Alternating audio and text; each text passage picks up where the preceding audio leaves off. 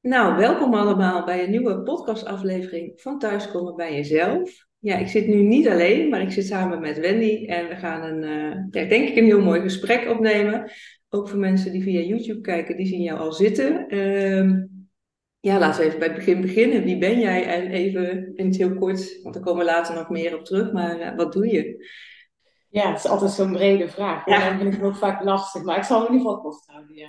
Uh, ik ben Wendy, 43 jaar oud. Ik ben getrouwd. Uh, ik heb twee kinderen. Ik heb een praktijk als uh, vitaliteitscoach en ik geef ook orthomoleculair voedingsadvies. En ik mag een heel mooi merk huidverzorgingsproducten uit Oostenrijk verkopen. 100% natuurlijk, helemaal vers en vegan. Dat is ook echt een beetje mijn passie. Crèmes en smeerseltjes en make-upjes, dat soort dingen. Ja, ja. mooi. Dus ook wel wat divers, zeg maar. Want, uh, ja, uiteindelijk kun je ook zeggen, dat heeft ook met vitaliteit te maken. Want je, je huid is natuurlijk ook een orgaan wat voeding opneemt. Alles wat je op je huid smeert, dat uh, ja. ergens terecht. Dat is niet, uh, ja, daar werd vroeger nog wel eens wat minder uh, moeilijk over gedacht. Maar dat is ja, misschien ook wel leuk om er straks even op in te zoomen hoe jij daarnaar kijkt. Ja, ja leuk. Hey, en de, eerste, de podcast heet Thuiskomen bij jezelf. Dus daar is eigenlijk ook ja, vaak waar ik mee begin van... Heb jij in het punt waar je nu in het leven staat het idee van dat je thuis bent bij jezelf? Uh, nou, wel veel meer dan een jaar of 10, 20 geleden. Maar ik denk zelf dat het eigenlijk een continue reis blijft. Dat dat nooit echt klaar is. Dat het eigenlijk uh, heel je leven doorgaat.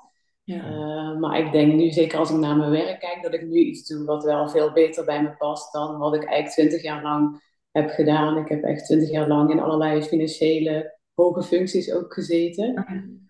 Um, en zo'n vier jaar geleden eigenlijk die carrière switch gemaakt. Dus okay. ja, dat voelt nu wel veel beter dan, dan de afgelopen jaren. Ja. ja, want hoe ben jij in die financiële sector dan terechtgekomen? En initieel, uh, ja, hoe is jouw start geweest daarin? Um, ik heb bedrijfseconomie gestudeerd in Maastricht en daarna de postdoctorale opleiding tot registeraccountant. Dus ik ben ook begonnen met werken bij een groot accountantskantoor. Uh, daar heb ik zo'n zeven jaar gewerkt. Daarna ben ik uh, bij een aantal andere bedrijven gaan werken in controllersposities en als finance manager, zeg maar. Dus uh, ja. ja. tot tot vier jaar geleden ongeveer. Ja, ja. Toen ging hoe, hoe is dat dan begonnen? Want dat vind ik ook wel interessant. En ook voor de mensen die nu meekijken of meeluisteren. Want je moet op jonge leeftijd in onze maatschappij al kiezen wat je dan wil gaan doen. Nou ja, ik denk dat heel veel mensen nog geen idee hebben van wat er überhaupt allemaal mogelijk is. En of je bent ergens goed in en dan wordt het gestimuleerd. Terwijl dat niet per se wil zeggen dat dat nou echt hetgeen is waar je hart sneller van gaat kloppen. Maar hoe is, die, hoe is dat bij jou gegaan dan? Was het op dat moment een opleiding waarvan je dacht, yes, dit is, dit is voor mij? Ja, op dat moment wel. Ik twijfelde op de middelbare school eigenlijk tussen psychologie uh, en bedrijfseconomie.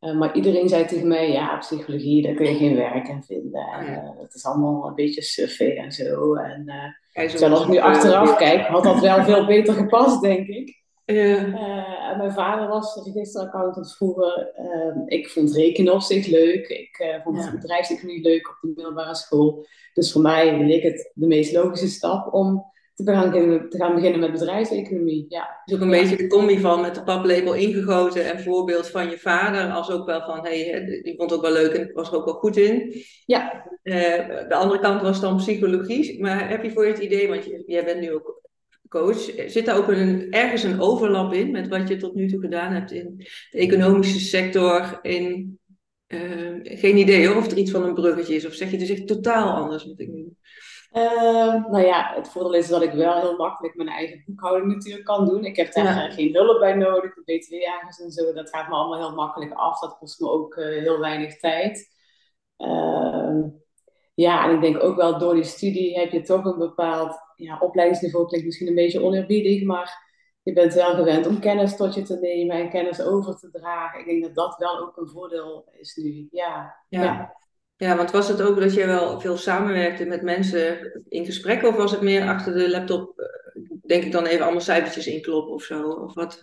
Uh, beide. Als accountant moet je natuurlijk wel echt naar de klant toe gaan en zit je daar ook uh, eigenlijk elke week bij een ander bedrijf. En ja. moet je ook heel veel vragen stellen aan die klant. Dus is het ook wel heel sociaal bezig zijn. Ja, en dat is contact te maken, de goede vragen stellen om de informatie ja, die, je wil, ja. die je nodig hebt naar boven te krijgen. Ja, je moet de cijfers analyseren, je moet documenten opvragen. Uh, daar krijg je dan wel vaak weer vragen over. Dus dan moet je weer terug om vragen te stellen. Dus er zit zeker wel een heel groot sociaal uh, aspect in. Ja, ja, absoluut. Ja. ja. en ik vraag het ook in die zin, omdat ik voor mezelf dacht van, ja, het lijken zo twee verschillende werelden, psychologie en uh, bedrijfseconomie. Maar ik dacht, oh ja, misschien zit er inderdaad wel een overlap in. Dus dat is wel mooi dat je dat zo uh, ook aangeeft. Ja, ja. voel ik ook altijd wel van op, op welk punt van je leven die ook komt. Hè? Dus net als wat Steve Jobs zei, connecting the dots achteraf dat, nou ja, dat is dan misschien bij jou, uh, ik weet niet of jij ook al uh, zo van die dots uh, terugkijkend hebt in je leven, ja. staat. Ja, wat ik wel vaak hoorde om me heen is zo van, oh, mensen die in de financiële wereld zitten, die zijn niet zo sociaal bekwaam en zo. En die zitten echt alleen maar achter een computertje inderdaad dingen in te tikken en de hele dag door een beetje zich afschermen. Uh, maar ik kreeg daarna ook vaak te horen van, ja, jij bent toch wel anders en zo. En je bent geen typische financial. En uh, je hebt ook oog voor de mensen en je hebt empathie. En, oh ja, dus dat viel mensen wel op. Of ja, wel terug. Ik, ik, was me daar zelf niet zo van bewust. Maar achteraf denk ik, oh ja, misschien is dat wel zo. Was het niet zo typische financial, nee. Nee. nee, dat kan soms ook eh, zijn dat de dingen waar je goed in bent, dat is ja, voor jou dan een soort automatisme. Dat je eigenlijk niet doorhebt dat, je, dat dat jouw kwaliteit is en dat je dat dan op die manier terug hoort van anderen. Dan maak je je daar weer bewust van. Ja, voor mij was dat heel normaal. Ik dacht, ja, zo ga je toch gewoon met elkaar om. En je vraagt ja. gewoon elkaar, hoe gaat het? En uh, je bent er een beetje attent naar elkaar toe. En ja. je wilt toch weten hoe het echt met die ander gaat. Dat, dat was voor mij heel vanzelfsprekend. Nou ja, want ik kan me ook wel voorstellen als ik dan denk, als mensen met, hun, met jou hun financiën gaan doornemen, het is ook wel iets heel persoonlijks. Nederland is ook niet echt het land waarin je nou hoofd van de toren blaast wat je nou precies verdient. In Amerika is dat volgens mij anders, maar als hier, hier heeft niemand eigenlijk over wat je verdient. Of ook als je een bedrijf, wat zijn investeringen. Of, dus nou ja, mensen gaan echt letterlijk met de, bijna met de billen bloot als jij dan hun financiën door gaat nemen. Dus ik kan me voorstellen dat het ook wel kwetsbaar kan zijn voor mensen. Dus dat je dat ook... Uh, ja, Ja, nou zat ik wel altijd bij wat grotere bedrijven, eigenlijk een middelbedrijf en grotere bedrijven. Dus dat gaat dan niet over één persoon, maar over het hele bedrijf. Ja. Maar je hoort natuurlijk wel dingen die, ja, waar je dan vertrouwelijk mee om moet gaan, wat niet zomaar naar buiten mag komen. En dat hoort ook binnen de gedragscode natuurlijk. Dus uh, ja, dat weet je ook van tevoren, dat dat allemaal, dat je daar geheimhoudingsplicht in hebt. Ja, ja, ja. Ja, of dat mensen ook uh, wat meer een uh, levensverhaal gaan delen, misschien als ze je wat langer kennen. Met ja, inderdaad. Als je ja. een aantal jaren bij dezelfde klant komt, dan merk je wel dat mensen ook privé wat dingen gaan delen, inderdaad. Ja, ja, ja klopt. Ja. ja. Dus in die zin, nou ja, kun je ook zeggen, daar zit ook een stukje coach, coachal uh, inderdaad aan Ja, ja, misschien wel een beetje, ja. ja, ja. En je zegt, ik heb een omslag gemaakt vier jaar terug. Kun je ons een beetje meenemen in hoe dat gegaan is voor jou? Ja, ik uh, zat op dat moment bij een bedrijf, een HRM-dienstverlener. Uh, Die zat met name in het uitzenden payroll-vlak, zeg maar. Um, ja, achteraf, als ik dat zo bekijk, had ik eigenlijk al meteen, toen ik daar solliciteerde, zoiets van, ja, is het wel iets voor mij? Moet ik dit doen? Uh, maar ik wilde ook graag werken bij het andere bedrijf waar ik zat. Ja, en iedereen om me heen zei ook van, ja, probeer het gewoon. Hè. Kijk maar hoe het gaat. En je kunt altijd wel verder zoeken. En, ik dacht, ja, dat klopt. Ik kan het natuurlijk altijd proberen en kijken hoe het mij bevalt. Ja. Want had je helder voor jezelf, wat maakte dat het dan niet helemaal matchte, waar, waar het hem dan in zat?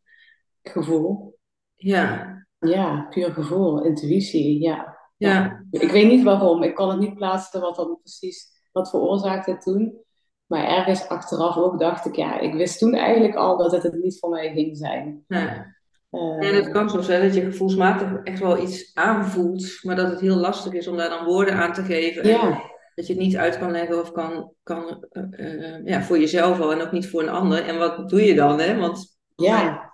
als, je, als je niet kan zeggen waarom het niet zou passen, ja, waarom zou je het dan niet gewoon doen? Nee, ik kon het voor mezelf niet uitleggen, want ik had de mensen daar gesproken en die waren allemaal super aardig, super lief, enthousiast. Uh, uh, waren heel gemotiveerd om met mij aan de slag te gaan. Dus daar lag het allemaal niet aan. Uh, het pand was mooi. Uh, alles leek zo op papier wel te kloppen. Het salaris was oké. Okay. ja. ja.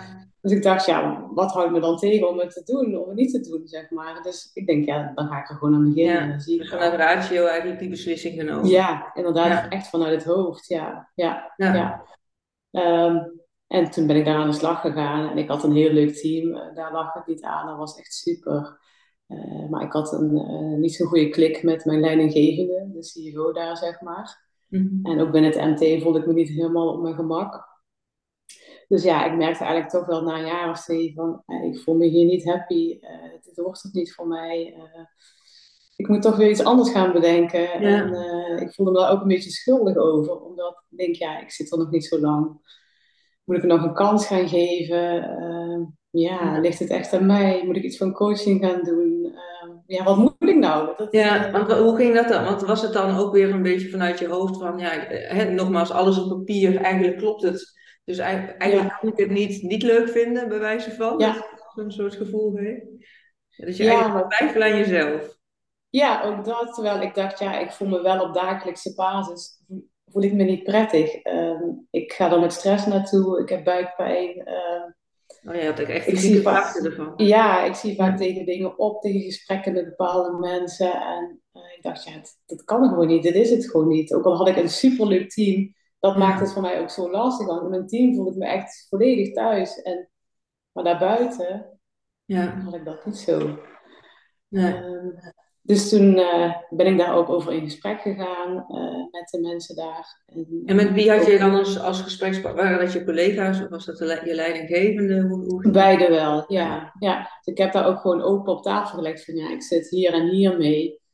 Ik geloof niet dat dit voor mij gaat werken. Uh, kunnen we gaan kijken hoe we afscheid van elkaar kunnen nemen op een leuke manier. Uh, en dat hebben we toen gedaan. Dus, uh, ja, er was wel ruimte voor om daar samen dat te onderzoeken. Ja, dat is op zich best wel fijn verlopen allemaal. Alleen ja, het was vlak voor de coronaperiode. Dus mijn laatste werkweek, die viel in de eerste week van de lockdown. Oh, dat is. Ja. Dat was allemaal heel raar. En ik heb niet echt van iemand echt fatsoenlijk afscheid kunnen nemen. Het was allemaal heel chaotisch. En ik kreeg zelf corona die eerste week ook nog. Uh, ja. Dus dat was allemaal heel raar, ja. Ja. ja. En in de periode van afscheid nemen, had je toen al wel helder wat je dan wel wilde? Nou, ik had helder dat ik een paar maanden rust wilde nemen en vooral heel veel leuke dingen voor mezelf wilde gaan doen. Dat had ik heel helder. Alleen dat gebeurde niet, want we zaten in een lockdown. Je en dat duurde natuurlijk een aantal maanden. Dus ik zat uh, met twee kinderen thuis toen en ja, er was natuurlijk weinig te doen. Dus, uh, ja, en dan ook die kinderen moesten allemaal thuis. Ik weet niet hoe oud ze ja. zijn. Ze waren toen vier en zeven of acht volgens mij in die periode. Ja. Ja, en de jongste die moest ik continu bezighouden, want die kreeg één keer per week een keer een gesprekje met, met school, dat was het dan. Ja, ja. En ja, dat onderwijs stelde allemaal niet veel voor op dat moment. Dus ja, ik had mijn handen vol toen naar mijn kinderen en ja, het huishouden natuurlijk ook. En in hoeverre had je toen dan ruimte voor jezelf om te gaan en bekijken van, oh ja, nou kom ik thuis naar, of ben ik eigenlijk thuis na een periode van, oh ja, ik heb de beslissing genomen, ik ga weg bij wat ik, wat ik deed, maar ja, hoe dan verder? Leuke dingen doen was niet mogelijk. Gezin nee. houden in een uh, toch wel vrij complexe tijd. Ja, ja, ik vond het echt een rottijd. Echt, ik had het mentaal ook heel zwaar in die periode.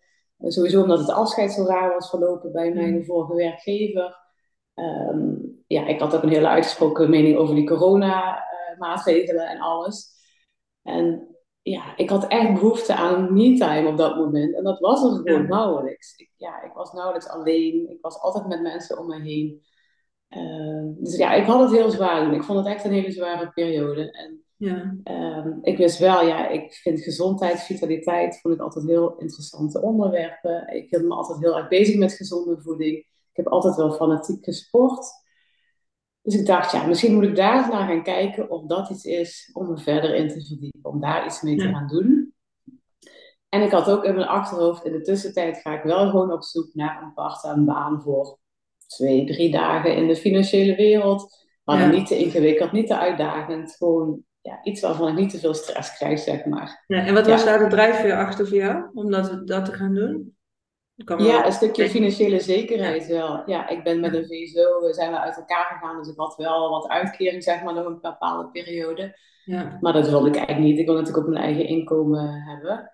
Ja. Um, alleen die baan, die heb ik nooit gevonden. Ik ben nooit iets tegengekomen waarvan ik dacht, nou, dit is nog enigszins wel iets wat ik wil gaan proberen. Het zal wel zo moeten zijn, denk ik, achteraf. Ja, want dat was dus, dus wel je overtuiging, of in die zin van, ik, je patroon, zeg maar, van, oh ja, als ik dan iets bedenk van werk voor een paar uur in de week, dan, dan ging automatisch je gedachte, dan moet het iets in die financiële sector zijn. Ja, ja, want ik dacht, daar heb ik ervaring in, daar heb ik kennis van. Dus dat moet het dan worden, ja. ja Waar je ook had voorgenomen, terwijl je ook eigenlijk had voorgenomen, het mag vooral leuk zijn. Ja, ja, dus eigenlijk is dat ook heel raar. Misschien is dat ook wel de reden dat ik niks heb gevonden in dat wereldje, zeg maar meer. Ja, Maar ik ben toen in het najaar ben ik begonnen met een aantal opleidingen op het vlak van vitaliteit en, en gezonde voeding, orthomoleculaire voeding. ja, Eh, dus ik heb zo'n twee jaar aan opleidingen toen gedaan. En toen dacht ik, ja, ik wil hier wel meer mee. Ik wil hier ook andere Ja. mensen mee helpen. Dit is wel waar ik aan van ga, waar ik enthousiast over ben, waar mijn passie wel ligt. we voelden echt dat een vuurtje kan branden. Ja, ja. Ja, Dus toen ben ik zo'n twee jaar geleden officieel mijn praktijk opgestart. Ja, ja. ja. Wauw, ja. En had, je, had jij je een paar jaar geleden voor kunnen stellen dat je nu je eigen bedrijf had op dit, op dit vlak? Ja, ik heb altijd mijn eigen bedrijf gewild. Van kinds af aan droomde ik altijd van een eigen winkeltje. Een winkeltje, ja. Dat is het niet geworden, of ja, niet helemaal. Maar eh, ja, ik heb dat altijd wel in mijn hoofd gehad. Ik wil een eigen bedrijf. Ja, Ja. en wat was dat? Weet je dat ook? Wat, wat je daar dan zo in aantrok of trekt? Kan. Ja, toch wel de vrijheid. Dat is misschien een beetje het standaard antwoord. Eh, de vrijheid, de flexibiliteit. Je dag zelf kunnen indelen. eh, zelf kunnen bepalen met wie je werkt, wie je om je heen hebt. Eh, ja, dat. Ja. En is dat ook nu je, je realiteit? Want ik weet ook heel veel ondernemers beginnen zo vanuit het idee van, hè, dan bepaal ik inderdaad zelf de regels, zelf mijn agenda. En worden daarna alsnog ingehaald door alle drukte en het idee van ik moet keihard werken om een succesvol bedrijf neer te zetten. Hoe is dat Ja. voor jou? Ja, ik vind, eh, ik heb het wel onderschat, moet ik eerlijk zeggen hoor. Ik eh, dacht, al ondernemer worden, dat kan ik wel, want ik heb een financiële, bedrijfseconomische achtergrond. Ja. Ik weet wel wat van marketing, ik weet iets van sales, ik kan een boekhouding doen. Eh, ik keek er niet echt tegenop eigenlijk.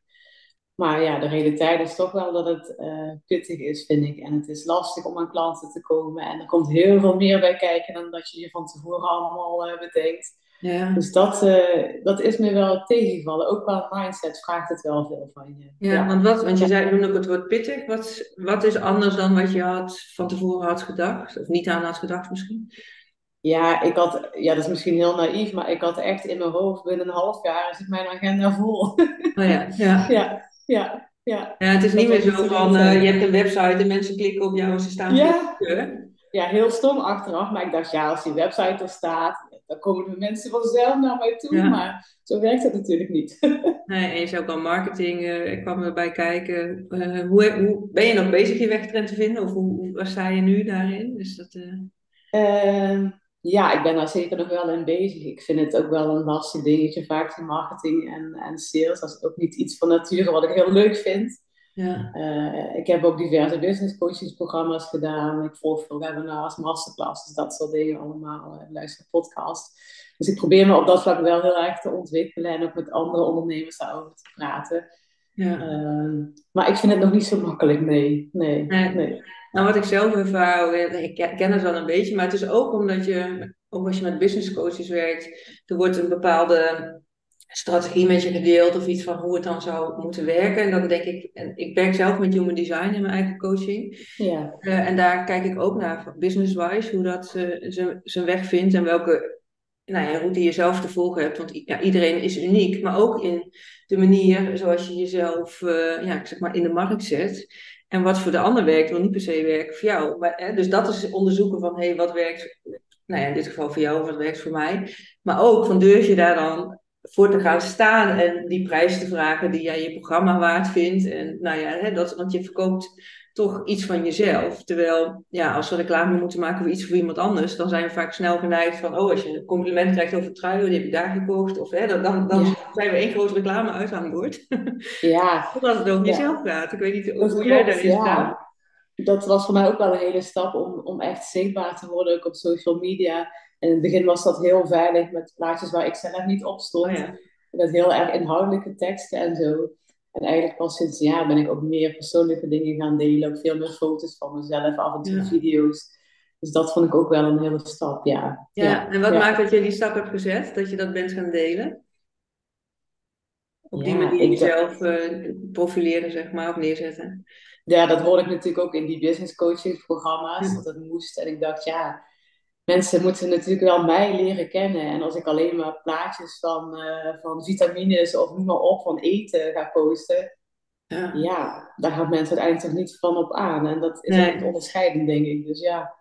Ja, dus dat was een drempel die je te nemen had om uh, jezelf ja. te laten zien. Ja, ja, ja. En ook wel heel leuk hoeveel complimenten je daar dan over krijgt vanuit je omgeving. Uh, die dan zeggen van, oh je bent echt duidelijk zichtbaar en wat leuk. En uh, wat goed dat je dat doet. En ik zou het niet durven. En oh ja. Dat is dan wel heel mooi om te horen, ja. Ja, dus die helpt dan ook wel misschien om, om door te gaan. Ja, ja, ja, zeker. Ja. ja, nou ja, en het is met alles natuurlijk. Hè. Je, je kan er ergens heel lang tegen opzien.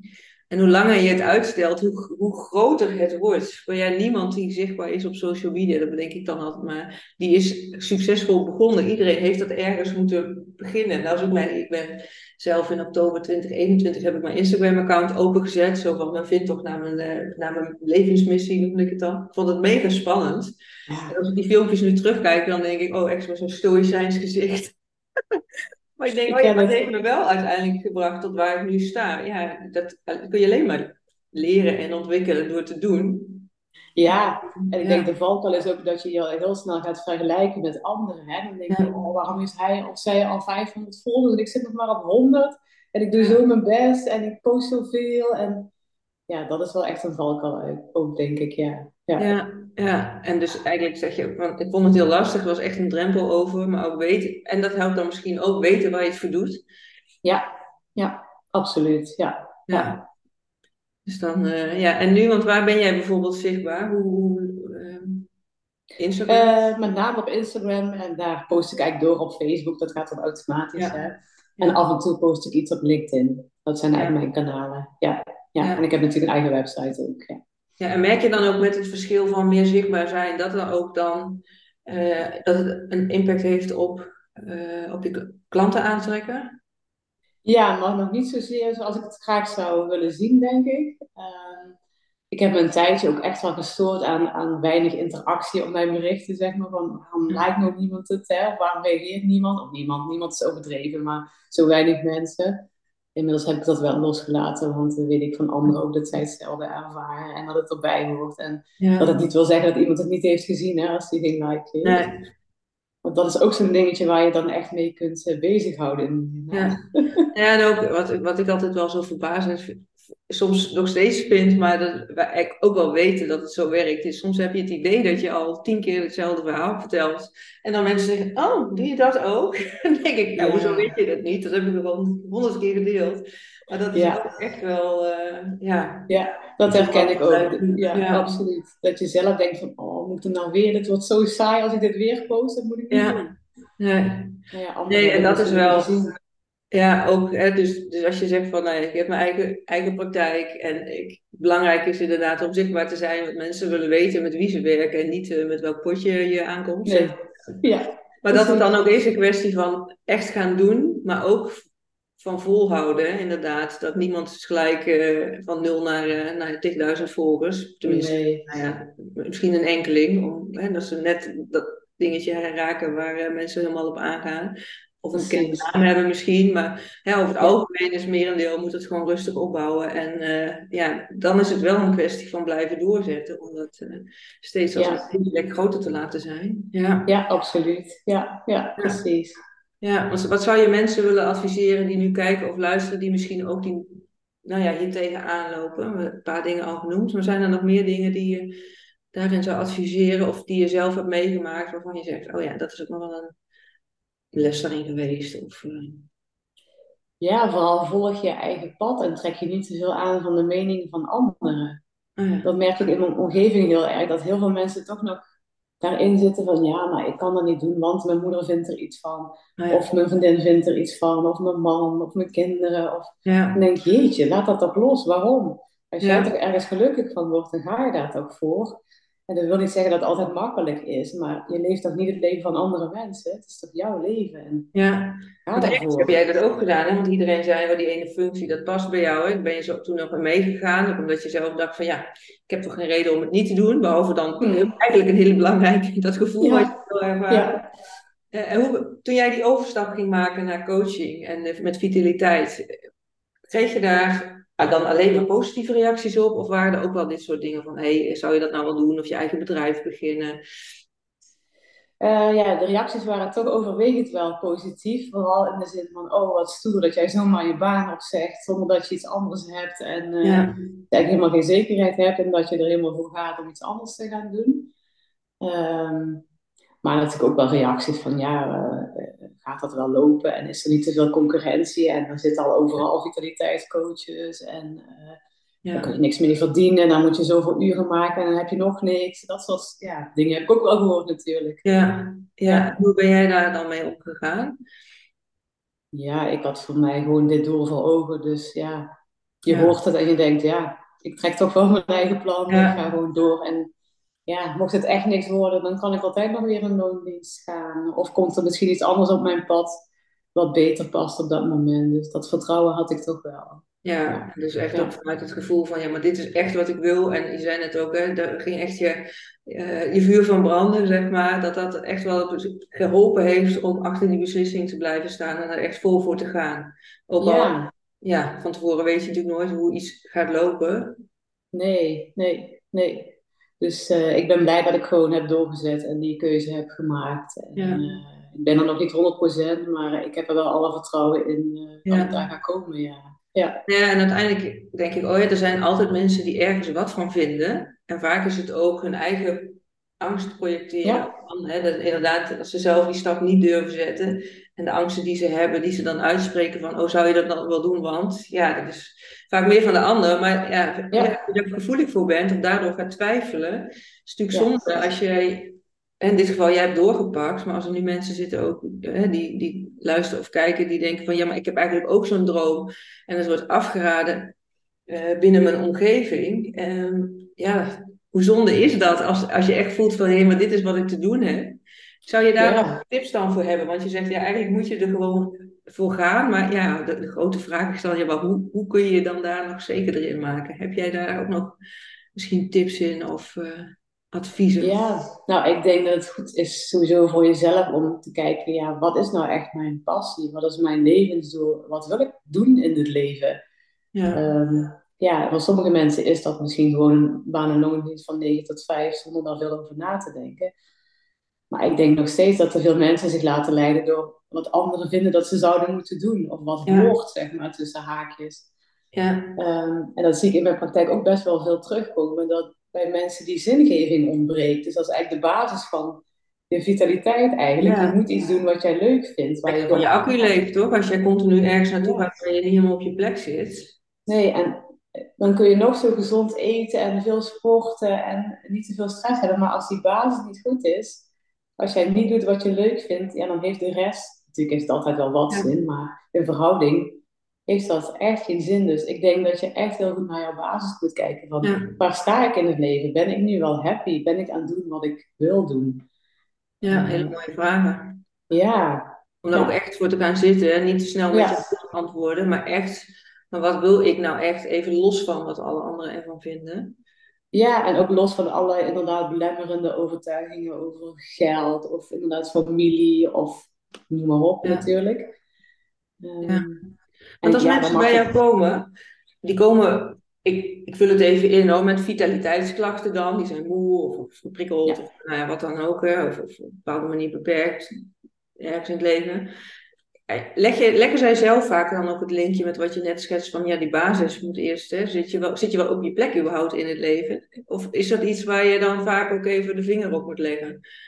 Uh, mensen vanuit voeding of ik wil afvallen of ik wil fitter worden, maar het komt eigenlijk altijd wel ter sprake, ja. ja ook al heel snel vaak. Ja, ja.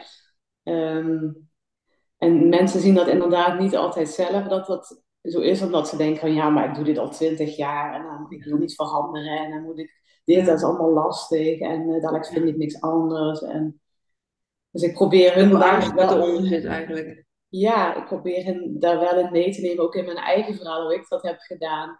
Eh, dat het allemaal wel mogelijk is en dat het ook niet heel ingewikkeld hoeft te zijn. Dat je het ook stap voor stap kunt doen. En dat er voor iedereen wel een methode is die bij haar of hem past.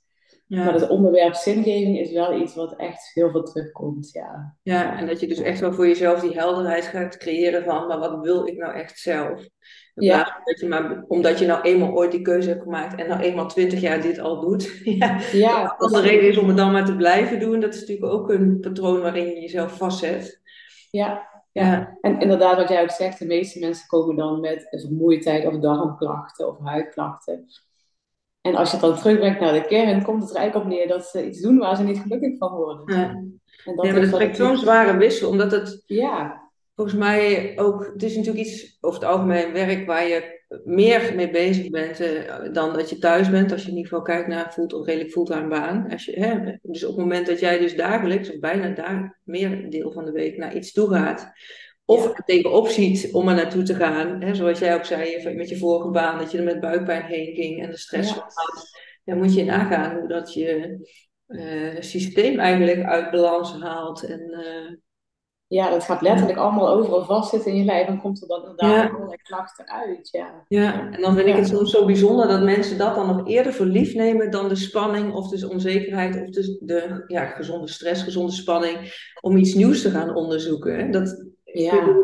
ja, vind het, Verandering is eng voor veel mensen, inderdaad. En, Ja. ja, de meeste mensen blijven liever in hun comfortbubbeltje. Hè? Dat, ja, eh, ja, Ja, is alles vertrouwd. En dat is natuurlijk ook jouw, jouw oerbrein, je ego, wat je natuurlijk altijd veilig probeert te houden. ja, Dat probeer ik dan ook altijd uit te leggen in mijn coaching sessies, hoe jouw Ja. brein dan werkt. En dat jouw brein niet van verandering houdt. En dat je brein het liefst jou vertrouwd en veilig wil houden. ja, overlevingsmechanismen wat voor. Ja, precies. Ja. Ja, ja. En wat, eh, hoe, hoe beweeg jij mensen om, of, ja, of, of wat geef je mensen mee om daar dan toch te onderzoeken of ze daar op een andere manier in kunnen gaan staan? Want ze willen wel, Eh, ze willen wel zich beter voelen, fitter voelen, minder huidklachten, ik noem maar wat. Ja, eh, ik werk sowieso altijd in kleine stapjes. Dus ehm, ja, als iemand nou vijf repen chocola in de week eet, dan ga ik niet ineens zeggen van je mag helemaal geen chocola meer eten. Dus ik werk altijd in kleine stapjes. En ik werk eigenlijk vanuit vier eh, invalshoeken. Dus eentje is voeding en supplementen, de andere is beweging, de derde is ontspanning en slaap en de vierde gaat dan over mindset. Dus dat is Ja. eigenlijk ook een stukje zingeving en je mentale gezondheid. Ja, En ehm, ja, ik geef ze oefeningen mee. Ehm, ik ben zelf echt een fan ook van mediteren bijvoorbeeld. Ja. eh, en een app daarvoor gebruiken. En ja, daar heb je zoveel mogelijkheden ook in.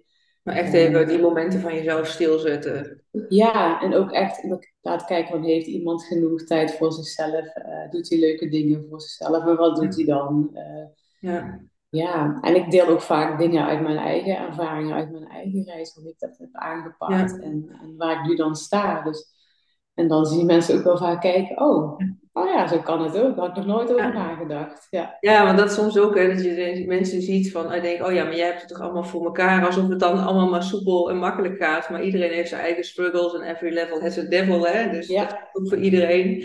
Eh, Ja. ja, en ik ben niks bijzonders, dus als ik het kan, dan kun jij het ook, kan iedereen Ja. het. Ja, ja. Ja, nou ja, dat vind ik ook het mooie aan jouw verhaal. En ook voor de mensen die eh, deze podcast luisteren. Juist waarom ik dit soort verhalen deel. Want ja, wat ik kan, wat jij kan, dat kunnen anderen ook. Ik, zeg, ik probeer altijd te zeggen, daarin zijn we niet uniek. Niet in dat, we zijn allemaal uniek als persoon. En iedereen Mhm. heeft zijn eigen kwaliteiten. En daarom vind ik het ook zo... Ja, nog steeds zo zonde dat we in zo'n schoolsysteem zitten, maar ook bij werk, dat je iedereen hetzelfde hoepeltje moet doorspringen. Yes. Waardoor mensen echt, denk ik, heel ver verwijderd gaan raken van ja, echt waar een vuurtje van gaat branden en waar ze echt goed in zijn of plezier uithalen. Want ja, als mensen zeggen, dan kun je je brood niet verdienen of je moet eerst kunnen rekenen en taal voordat je je creatieve nou ja, elementen Mhm. kan ontwikkelen. Ja. Dat mensen daar heel erg van verwijderd raken.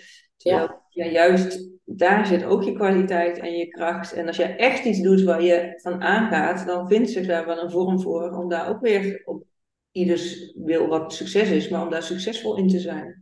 Ja, zeker. En het is natuurlijk ook vooral een kwestie van doen, hè? Want hoeveel mensen roepen niet van, ja, ik wil wel anders, ik wil wel afvallen, Ja. ik wil wel meer sporten. Maar je moet er wel iets voor over hebben. Het vraagt Ja. wel om doorzettingsvermogen en wilskracht en, en Ja. motivatie. En dat zie ik ook toch best wel vaak, dat dat toch wel een beetje ontbreekt. Dat van, er wordt wel heel makkelijk geroepen van, ja, ik wil dit en ik wil dat en eh, Ja. moet anders. Over mijn klachten af. Ja, wat is ja. veranderingsbereidheid dan? Hè? Wanneer Ja, kan je ook actie ondernemen om het anders te gaan doen. Maar ja, ja, blijf je hetzelfde doen, hou je het resultaat. Of sterker nog, je resultaat wordt zelfs slechter, want je gaat je steeds minder goed voelen. ja, precies. En toch is het dan lastig, hè? dat is ook dat stukje waar we het net denk ik over hadden, van ja, als je, je weet in ieder geval wat je hebt en het is spannend om jezelf te stretchen.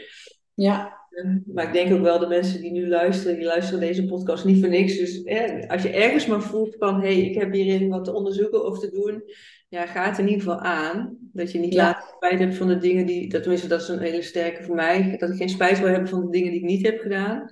zeker. Ja, en dat je Dat ook heel wat veel ik, mensen... ja, dat Ja. houd ik mezelf ook altijd voor. Als ik eh, over hopelijk 40 jaar of later ga overlijden, dan wil ik geen spijt hebben van dingen die ik niet heb gedaan. Nee. Keuzes die ik eh, niet heb gemaakt. Ik wil wel alles uit het leven halen. En Ja. dat probeer ik ook echt te doen, ja. Ja, ik zeg altijd, op elke keuze kun je terugkomen of je kan bijsturen. Hè? Ik bedoel, eh, life is happening while making plans. Dus ook al ga je voor een eigen bedrijf en er komt iets anders op je pad, je kan dingen altijd bijsturen. Maar Ja, ja, als je het niet hebt gedaan, weet je ook nooit wat het je hier zou hebben kunnen brengen. nee, nee. En hoe vaak hoor je mensen niet zeggen van, oh, ik heb zo'n spijt dat ik dat vroeger niet Ja. heb gedaan. En ja, Nou ja, het is, er zijn ook onderzoeken naar gedaan. Hè? De, grootste dingen waar mensen spijt van hebben op een sterfbed is dat ze niet meer zelf hun eigen keuzes hebben gevoerd. ja, Of de tijd hebben doorgebracht met de mensen die belangrijk voor hen waren. Want je kan wel denk ik ook heel succesvol zijn met, nou ja, sommige mensen 80 uur in de week werken. Maar als je daardoor je kinderen of je partner niet ziet of geen tijd hebt om leuke dingen met elkaar te doen. Ja, wat is dan de waarde van het leven? Behalve dat je nou ja, een groot huis hebt, een dikke auto en eh, voor, voor het beeld misschien een heel mooi leven hebt. Maar ja, wat gaat, en dat zei je net ook, wat is uit jezelf belangrijk voor jou? En eh, eh, ja, hoe geef je daar invulling aan? ja, zeker. Helemaal mee eens, ja. Ja. En als mensen eh, nou denken van, hé, hey, ik wil wel wat meer willen weten van Wendy, van, of, of lopen tegen bepaalde klachten aan, met wat, wat voor mensen klinkt een beetje raar. Mensen met wat voor soort klachten, laat ik het zo vragen, komen bij jou terecht? Of, of eh, waar Ja, help je mensen mee? Ik richt me vooral op vrouwen vanaf een jaar of 35. Dat wil niet zeggen dat je niet welkom bent als je jonger bent. Helemaal niet. Er zit ook wel eens een man tussen. Ehm, en vooral vrouwen die echt met meerdere klachten worstelen. Dus een combinatie van vermoeidheid, maag- en darmproblemen, huidklachten, overgewicht. Dat zijn echt de vier dingen die het meeste voorkomen in die combinatie. Dus een beetje die vage klachten. Dus mensen weten niet echt zo goed waar het vandaan komt. Ehm, maar willen wel ja, graag van hun klachten verlost worden. Ja. Ja. Ja, jij gaat Ja. dan met hen onderzoeken van, hé, hey, wat is de aard van waar je klacht vandaan komt en daar dan een plan op maken samen wat daarin eh, te doen. Ja, en we gaan dan weer kijken naar die vier invalshoeken waar ik het eerder over had. Ja. Die voeding en die supplementen, de beweging, de ontspanning en een stukje mindset. eh, gaan we helemaal onder de loep eh, nemen en dan gaan we kijken hoe we dat kunnen verbeteren. Ja. Ja. En doe je dat dan in fysieke vorm of ook wel online? Beide, ja. Beide, Het is ja, vooral wel in mijn praktijk komen toch wel de meeste mensen. Ehm, en daarnaast werk ik ook met een biosensor. Ik weet niet of je dat eh, kent. Wel eens van gehoord, maar misschien wil je het even uitleggen. Ook misschien mensen die luisteren die niet weten wat het, eh, wat het is. Ja, het klinkt misschien een beetje zweverig. Het is een eh, klein apparaatje en dat apparaatje reageert eigenlijk op jouw lichaamsenergie. Alles om ons heen heeft een bepaalde frequentie, een bepaalde trilling. Sommige mensen vinden dat zweverig, maar dat is eigenlijk gewoon natuurkunde. Alles heeft Ja, een bepaalde ja. trilling. En met die biosensor kan ik meten op welke voeding jij niet goed reageert. Maar ik kan ook testen eh, welke supplementen jou kunnen ondersteunen. En ik gebruik hem ook voor cosmetica. Dus dan nemen mensen hun huidverzorgingsproducten mee. En dan ga ik het etiket helemaal aflopen, de ingrediënten zeg maar. En dan kan ik kijken op welke stoffen iemand niet goed reageert. Dat werkt Ja. echt heel mooi. Ja, nee, je zegt alles is energie. Ik heb een keer een heel mooi filmpje gezien van eh, met bepaalde trilling, dat dan een water, eh, dus het ziet er bijna als een soort kunstwerk hoe die trilling van het water dan gaat. Ja. Maar ja, mensen bestaan voor, wat is het, 75% het water? Ja, zoiets. Ja, ja. Ja, dus, dus als je dan nagaat dat dat water, je ziet het gewoon reageren op de frequentie van geluid.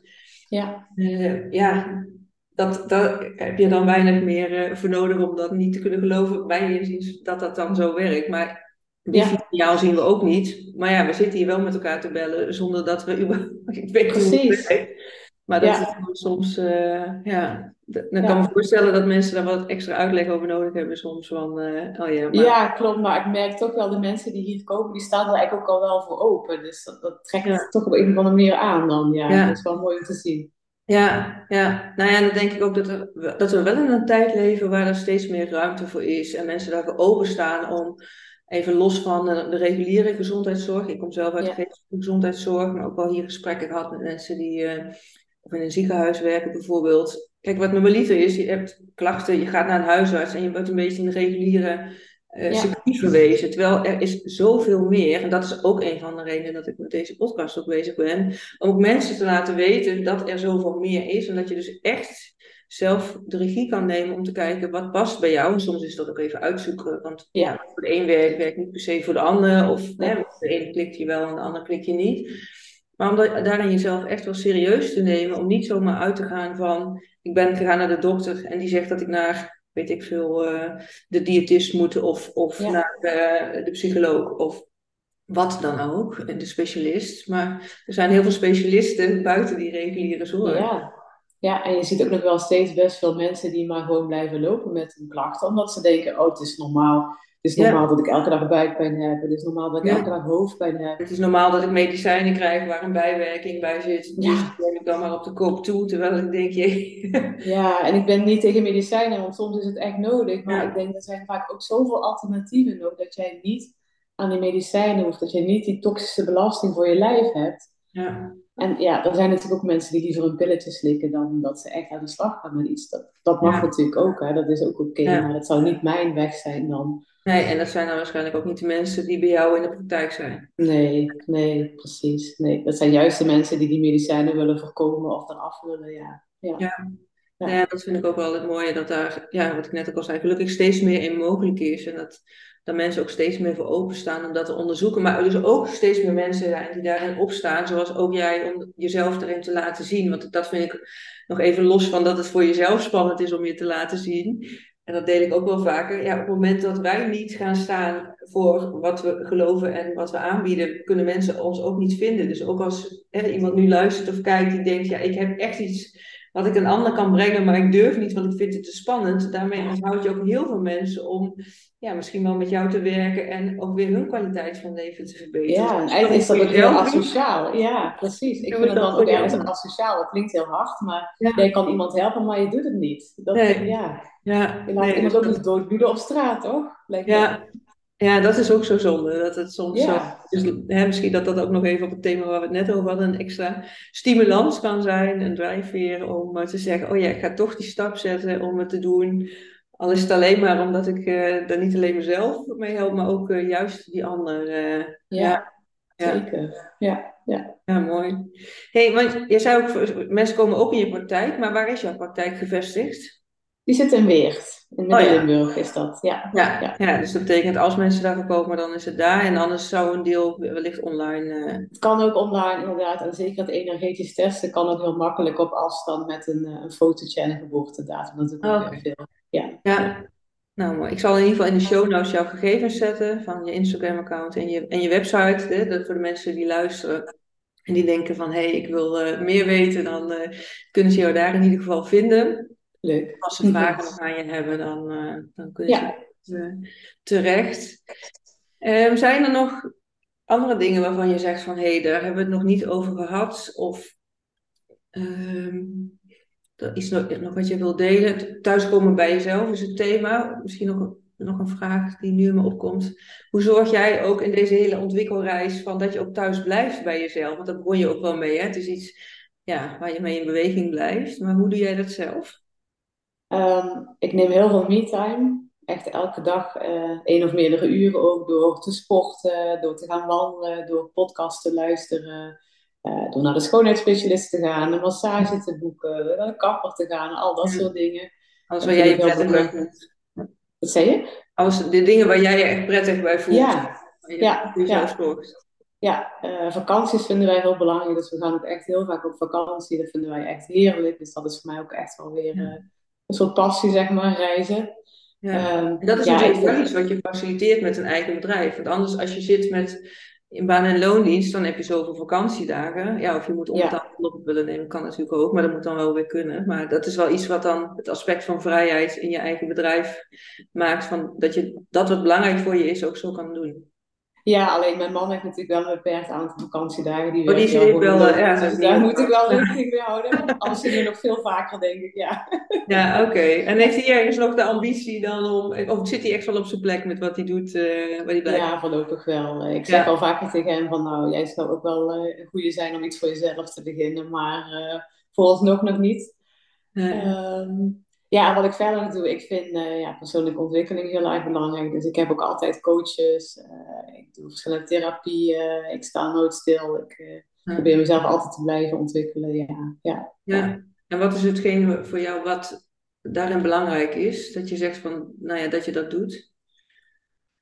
nou ja, ook voor mijn eigen mentale welzijn gewoon denk dat met name. En ik heb ook wel echt, ik ben wel iemand die veel uitdaging nodig heeft, die prikkels nodig heeft, die, ik ben snel verveeld, ik vind dingen snel saai. Dus ik, ja, ik vind het ook heel fijn om continu op, nou niet continu, maar wel vaker opleidingen te doen en trainingen te volgen. Ja, jezelf te stretchen, zeg maar. Ja, ja. ja klopt. Ja. ja. Ja, wat ik zelf ook wel heel sterk geloof, is ook van iedereen heeft zijn eigen blinde vlek of iets waar je bij jezelf niet bij komt. Ook weer waar we het eerder over hadden, van dat stukje veilig houden. Dat je soms echt een ander nodig hebt die even wel die kritische vraag stelt en je niet laat wegkomen met het antwoord waar je hè, voor jezelf, jezelf wel heel vaak onbewust, maar weg mee laat komen. Dat je echt iemand nodig hebt die zegt van ja, maar wacht eens even, vertel nou eens echt wat je wil of hoe het zit of wat je voelt. Ja. Nou ja. ja. Ja, en je bent ook nooit klaar, hè? dat is waar we het eerder ook over hadden. Van, ja, ik heb niet de overtuiging dat ik ooit klaar ben in mijn persoonlijke ontwikkeling. Nee. Er komen altijd wel weer dingen op je pad waar je iets mee moet of iets mee mag. Ja, ja nee, dat klopt. Het is inherent aan het leven. Dus, oftewel familieomstandigheden of, of ja gebeurtenissen waar je ja, mee te dealen hebt, of in een werkomgeving, of dat je de maatschappij, nou ja, hè, corona hebben we allemaal gehad. Ja, ja. Je moet je dan weer voegen naar iets waar je nooit bedacht had dat zou gebeuren. En ja, dat de, ja, precies. alles weer. Ja, ja, ja. Ja, maar dus ja, jouw advies, of in ieder geval wat jij doet voor jezelf, is wel die, dat stuk zelfzorg van doen waar je ontspanning in vindt en waar je blij van wordt. Hè? Bijvoorbeeld schoonheidsspecialist of een massage, maar ook dat stukje ontwikkeling en iemand er echt voor inschakelen die daarin met je mee uh, loopt. Ja, want de verleiding is natuurlijk groot om de hele dag te werken en alle klusjes in je huishouden te doen en maar binnen te blijven zitten. En ja. ja, dat zie ik ook wel vaak bij vrouwen in mijn praktijk die dan helemaal niet de tijd voor zichzelf nemen. Helemaal niet gewoon. Dan denk ik, ja, nou ja, wat ik dan vaak hoor is ook van, uh, ja, maar ik moet het toch voor mijn kinderen zijn of voor mijn gezin. Ja. Dat is toevallig ook waar we het vorige podcast over hadden. Hetzelfde als in een vliegtuig moet je ook eerst jezelf, oh, sorry, redden. En, en ja. voor jezelf, voordat je een ander kan helpen. Want als jij niet uh, de energie al hebt voor jezelf, laat staan dat je hem dan hebt voor je gezin of voor je werk. Nou, wat je dan ook allemaal daarvoor zet voor jezelf. Maar, uh, ja, je kunt pas goed voor anderen zorgen als je goed voor jezelf zorgt. Daar ben ik echt van overtuigd. Ja. ja. En dat is volgens mij ook nog iets wat we mensen wel mogen bijbrengen. Dat het niet egoïstisch is als je jezelf op één zet, maar dat het zelfzorg is, maar ook zorg voor de mensen in je omgeving. Plus, als je kinderen hebt, dat je ook, ja, ze doen niet wat je zeggen, maar ze doen na wat jij doet. Dus als jij zegt, ja. je zorgt goed voor jezelf, en, eh, maar je doet het zelf niet, ja, dan, dan is dat niet de boodschap die ze meekrijgen. Terwijl als je zelf dat wel doet en je bent daardoor ook, zit lekkerder in je vel en je bent vrolijker, ja, dat is wel wat ze dan ook weer meekrijgen. Ja, maar dat egoïsme wat je net noemde, dat is ook wel een ding. Hoor. Dat heb ik ook wel eens vaker naar mijn hoofd geslingerd gekregen. Ja. ja, ja. Terwijl ja, ik zie het niet als iets negatiefs, egoïstisch zijn. Ik zie het als iets positiefs. Ja. Gewoon, ja, je, je kiest voor jezelf uh, en je denkt daarbij ook aan anderen. Want als jij jezelf goed voelt, ben je ook een goed mens voor anderen. Ja. En zeker het kader van alles en iedereen is energie. Wat wil je uitzenden? Hè? Ja. geprikkeldheid. En is dat dan de olievlek die van jou af weet je wel, steeds groter ja. Of is dat die lekkere vibe en lekker gevoel en wil je dat meer de wereld in dragen? En, uh, ja. Dus ik blijf lekker egoïstisch. Ja, ja, en ik vind het zo jammer dat het woord egoïstisch, want het is inderdaad, er zit dan zo'n negatieve klank. Ja. Kunnen we daar niet een ander woord voor verzinnen? Ja, dat vind ik een goed idee, ja. ja als mensen ideeën hebben, stuur, laat het ons vooral weten. Stuur ons een DM van wat er een ander mooi woord voor is. Um, we noemen het zelfliefde dan maar. Zelfliefde, nou ja, dat is een hele belangrijke, ja, zeker. Ja. Ja. En dat het inderdaad ook iets is wat je eh, ja, ook meer mag uitdragen om dat dan ook weer de wereld in te zetten. En daar ben je ook met je praktijk dan weer mee, mee bezig door het en ja. voor te leven, maar ook anderen daarin weer uh, te ondersteunen en te stimuleren. Ja. Ja. Ja, en ik haakte even in op, op die vraag van hey, hoe zorg je dan zelf voor jezelf met uh, dat thuisblijven bij jezelf? En ik stelde eigenlijk de vraag van hey, hebben we nog nabranders, thema's waarvan je zegt van hey, hebben we nog niet besproken?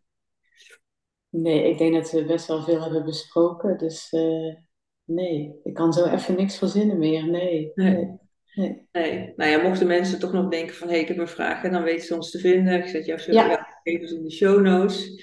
Ja, ik wil je in ieder geval bedanken dat je je verhaal gedeeld hebt, hè, want dit was jouw podcast primeur. Mm -hmm, ja. Hoe was het om te doen? Ook weer een stress? Ik vond het heel leuk om te doen. Ja, ik vond het van tevoren wel een beetje spannend, maar ik vond het een heel eh, tof gesprek. Ja, ja, nou dankjewel ja. voor je openheid en daarmee dus ook weer andere, ja, een voorbeeld te zijn, maar ook te laten zien van, hé, hey, nou met de tips die we hebben gegeven, ga er ook vooral voor. Ja. Zodat je later geen spijt hebt uh, van de dingen die je niet hebt gedaan. Ja, heel graag gedaan. Ja. Dan uh, wil ik iedereen bedanken voor het luisteren, dan wel kijken. En mocht je nou denken van, hé, hey, dit is wel een aflevering die meer mensen mogen horen, of misschien heb je specifiek persoon in gedachten, zet dan ook vooral deze aflevering door. Of uh, ja, tag ons even in een story bijvoorbeeld op Instagram, zodat hè, we met elkaar ook die, uh, nou, we hebben allemaal een beetje onze eigen bubbel, maar dat we dat met elkaar ook weer vergroten. En um, ja, zoals ik altijd afsluit, wens ik iedereen een heel mooie dag en een heel mooi leven toe.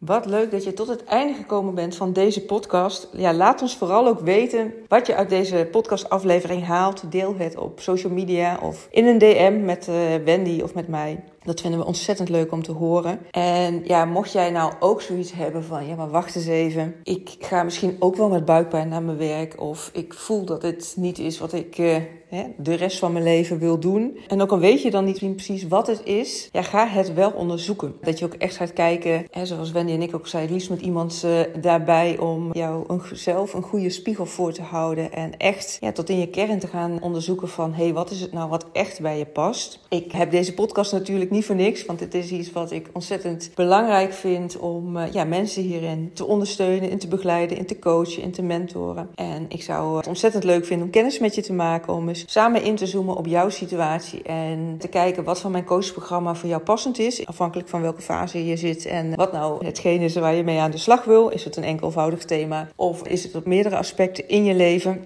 En mocht je deze podcast nog horen voor maandag de 18e 11 uur, s ochtends bedoel ik dan, dan kun je me ook even een DM sturen. Misschien heb je het al gezien op socials. Ik hou dan de workshop Weten wat je wil, omdat je weet wie je bent. Heb je daar nou uh, interesse in? Ben je daar nieuwsgierig naar? Stuur me even een DM, dan stuur ik je het linkje naar de Zoom-call van dat moment. En luister je deze podcast nou later, dan kun je me altijd even een berichtje sturen. Misschien dat ik hem alsnog uh, even door kan sturen. Ik ga in die workshop ook een leuke actie aanbieden aan jou voor zowel de 1 op 1 VIP-dag die ik heb, als wel mijn coachprogramma van 6 maanden Unlock Yourself. Wat dat betreft, als je daar meer over wil weten, zorg dat je erbij bent maandag. Nou ja, nogmaals, ik ontmoet je graag. Ik vind het ontzettend bijzonder om ja, mensen hierin uh, in deze vindtocht naar wat ze het liefste doen in het leven en daar invulling aan te geven. Ja, dat vind ik het mooiste wat er is. Daar ga ik zelf helemaal van aan. Gaat mijn eigen hart uh, sneller van kloppen. Dankjewel voor het luisteren.